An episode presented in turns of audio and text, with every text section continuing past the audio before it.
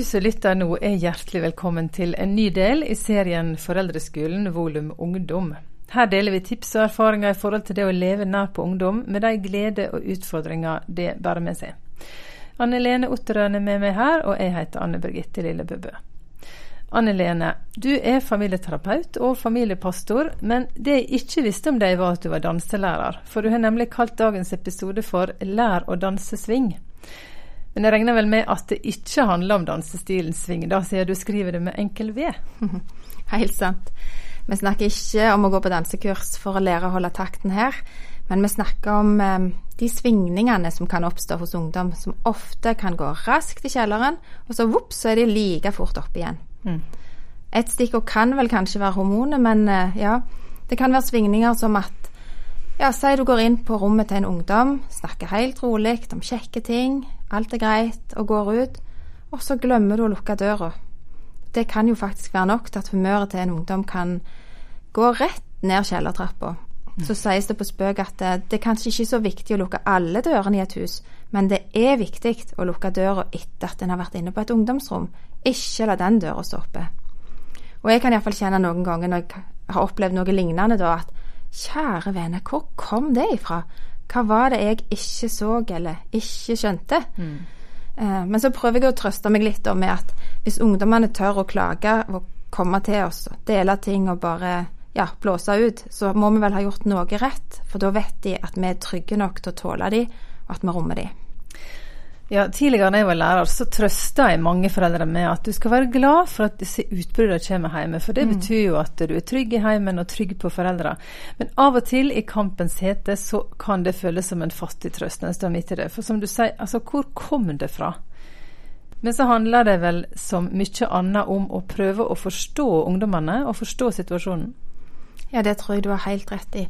Det er noen ganger jeg veldig godt kunne tenkt meg å fortelle ungdommene våre hva de burde gjøre, eller hva som kunne vært lurt å si i situasjoner, men så prøver jeg å holde fast på at oppdraget må snus litt på hodet. For mer enn at jeg skal prøve å få ungdommene til å forstå meg, så er min oppgave å heller prøve å forstå de. Mm. Da krever det at jeg ønsker å engasjere meg og være litt nysgjerrig. For hvis jeg slutter med det, så slutter jeg òg å stille gode spørsmål. Og hvis ikke spørsmålet kommer, da er det jo ikke mulighet for ungdommene til å gi noen svar og dele tankene sine heller. Mm. Viktig å stille gode spørsmål, altså. Og som du har vært inne på før i denne serien, åpne spørsmål, så du mm. slipper å få bare sånn enstavelsesord. Det er godt med de eh, øyeblikkene en kan få på biltur eller annet når en på en måte må snakke i lag, for det er jo noe helt annet å snakke med ungdom enn med små barn, Anne. Ja, en av de tingene som jeg syns er veldig spennende med at ungene blir større, det er jo det at ja, vi snakker sammen på en annen måte enn før. Nå handler det liksom ikke om å forklare dem hvorfor. Hvorfor må du ikke legge hånda på ovnen, og hvorfor sier sauen bæ og ikke mø? Og mm. Det konkrete erstattes veldig mye mer av det abstrakte, og de kan reflektere over ting sammen på en annen måte. Og, og tematikken og problemstillingene de endrer seg jo òg, så jeg kjenner jo dette å være mamma til ungdom, det er kjempespennende. Eh, men for meg så har det òg vært en prosess og ja, akkurat reise, det å skulle dele litt mer med dem fra eget liv. Eh, for jeg tenker at ja, jeg tenker ikke at ungdommene skal få innblikk i alt av historien til oss foreldre, og at de skal kjenne til alt av tanker og følelser. Men mon om ikke de har rett på å få vite noe om hvor vi kommer fra. For hvis de får innblikk i hva som har vært med å forme vår reise og vårt liv, så legger vi gjerne et bedre grunnlag òg for å kunne forstå hverandre og snakke sammen med respekt. Om vi som foreldre skal få innblikk i deres liv, så, så tror jeg at vi gjør lurt i å dele noe fra eget liv òg. Mm. Så da tenker vi at vi bør dele når det passer seg sånn, og lytte mest og lytte aktivt. Mm. Og være tålmodig er vel også et stikkord, for det er jo ikke alt vi kan tenke er et stort problem, som de syns er et problem. Altså, Hvordan kan vi danse med dem uten å tråkke dem på tærne for å være i bildet ditt? Ja, noen ganger så må jeg innrømme at jeg kan nok smile litt for meg sjøl av de frustrasjonene som ungdommene deler med oss. Eh, ikke så veldig stolt av det, gjerne, men eh, eh, vi kan jo lett tenke, eller jeg kan iallfall lett tenke at kjære vene, dette er bagateller, og det er noe som går over. Men så er det jo sånn at når det er knytta følelser til en situasjon, da kan ting som objektivt sett virker små, de kan være krevende for ungdommene. Mm. Og da gjelder det jo å ta dem på alvor og starte på den plassen som de er Og når de syns ting er vanskelige, så trenger de forståelse, og de trenger ikke belæring om at dette er bagateller, eller hvordan vi ville løst det, eller hvordan ting var før. Men samtidig så tenker jeg at vi kan realitetsorientere de litt, kanskje. Det iallfall syns jeg det kan være fristende å ty til. Men jeg tror mest av alt at vi gjør lurt i å ikke fortelle dem at de skal ta seg sammen og skjerpe seg. For de har lov til å være lei seg. Men vi som foreldre trenger kanskje ikke å bli så følelsesmessig engasjert i alt og svinge opp og ned sammen med dem. Det er lov for oss å gjerne følge noen av tingene litt på avstand, og ja, kanskje bare vente på at noe går over. Eh, men så er det jo likt for oss voksne òg. Eh, det kan svinge. Og jeg syns iallfall mange ganger så kan det være godt å bare be om en timeout. Hvis det er noe som står på, så syns jeg det er godt å kunne trekke meg litt tilbake. Det er akkurat som at da får vi tid til at situasjonen besøker tanken òg, og at vi kan reflektere litt. At ikke alt bare skal rett gjennom følelsene og så rett ut. Så både for oss og ungdommene så kan det være godt å roe systemet litt før en går videre av og til. Godt sagt. Vi gir situasjonen tid til å besøke tankene, ikke bare følelsene.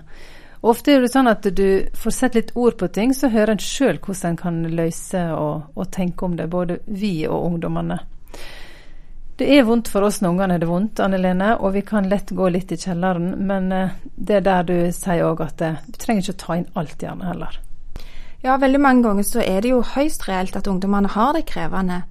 Og hva som skjer med mor og far når ungene deres deler at de blir mobba, at de er ensomme eller at det oppstår sykdom, det vil gjerne se ulikt ut. Men jeg er nå iallfall sånn ei hønemor som eh, Jeg tror ikke jeg har det bedre enn den av ungene som har mest utfordringer, da.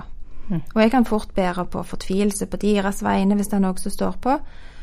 Men så har jeg jo lært da at eh, vi kan ikke beskytte dem mot stormer, men vi kan få lov til å følge dem gjennom dem. Eh, sånn at jeg tenker de skal ikke bæres på, på gullstol gjennom ting.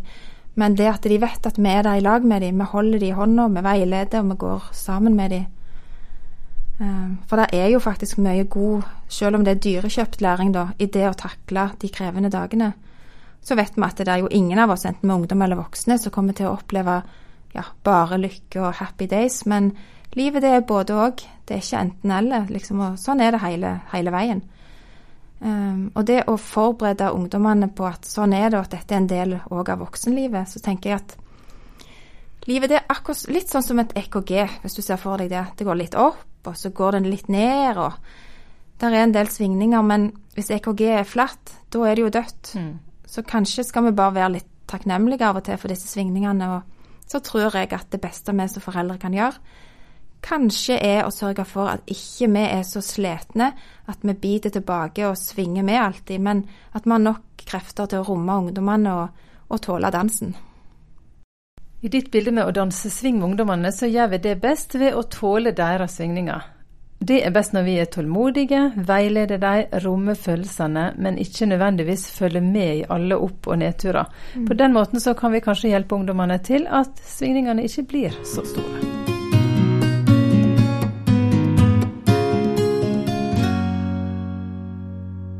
Du lytta til Foreldreskolen, en serie fra Petro. Her møter du Anne Lene Otterøen og Anne Birgitte Lille Bøbø. Serien er laga med støtte fra Medietilsynet.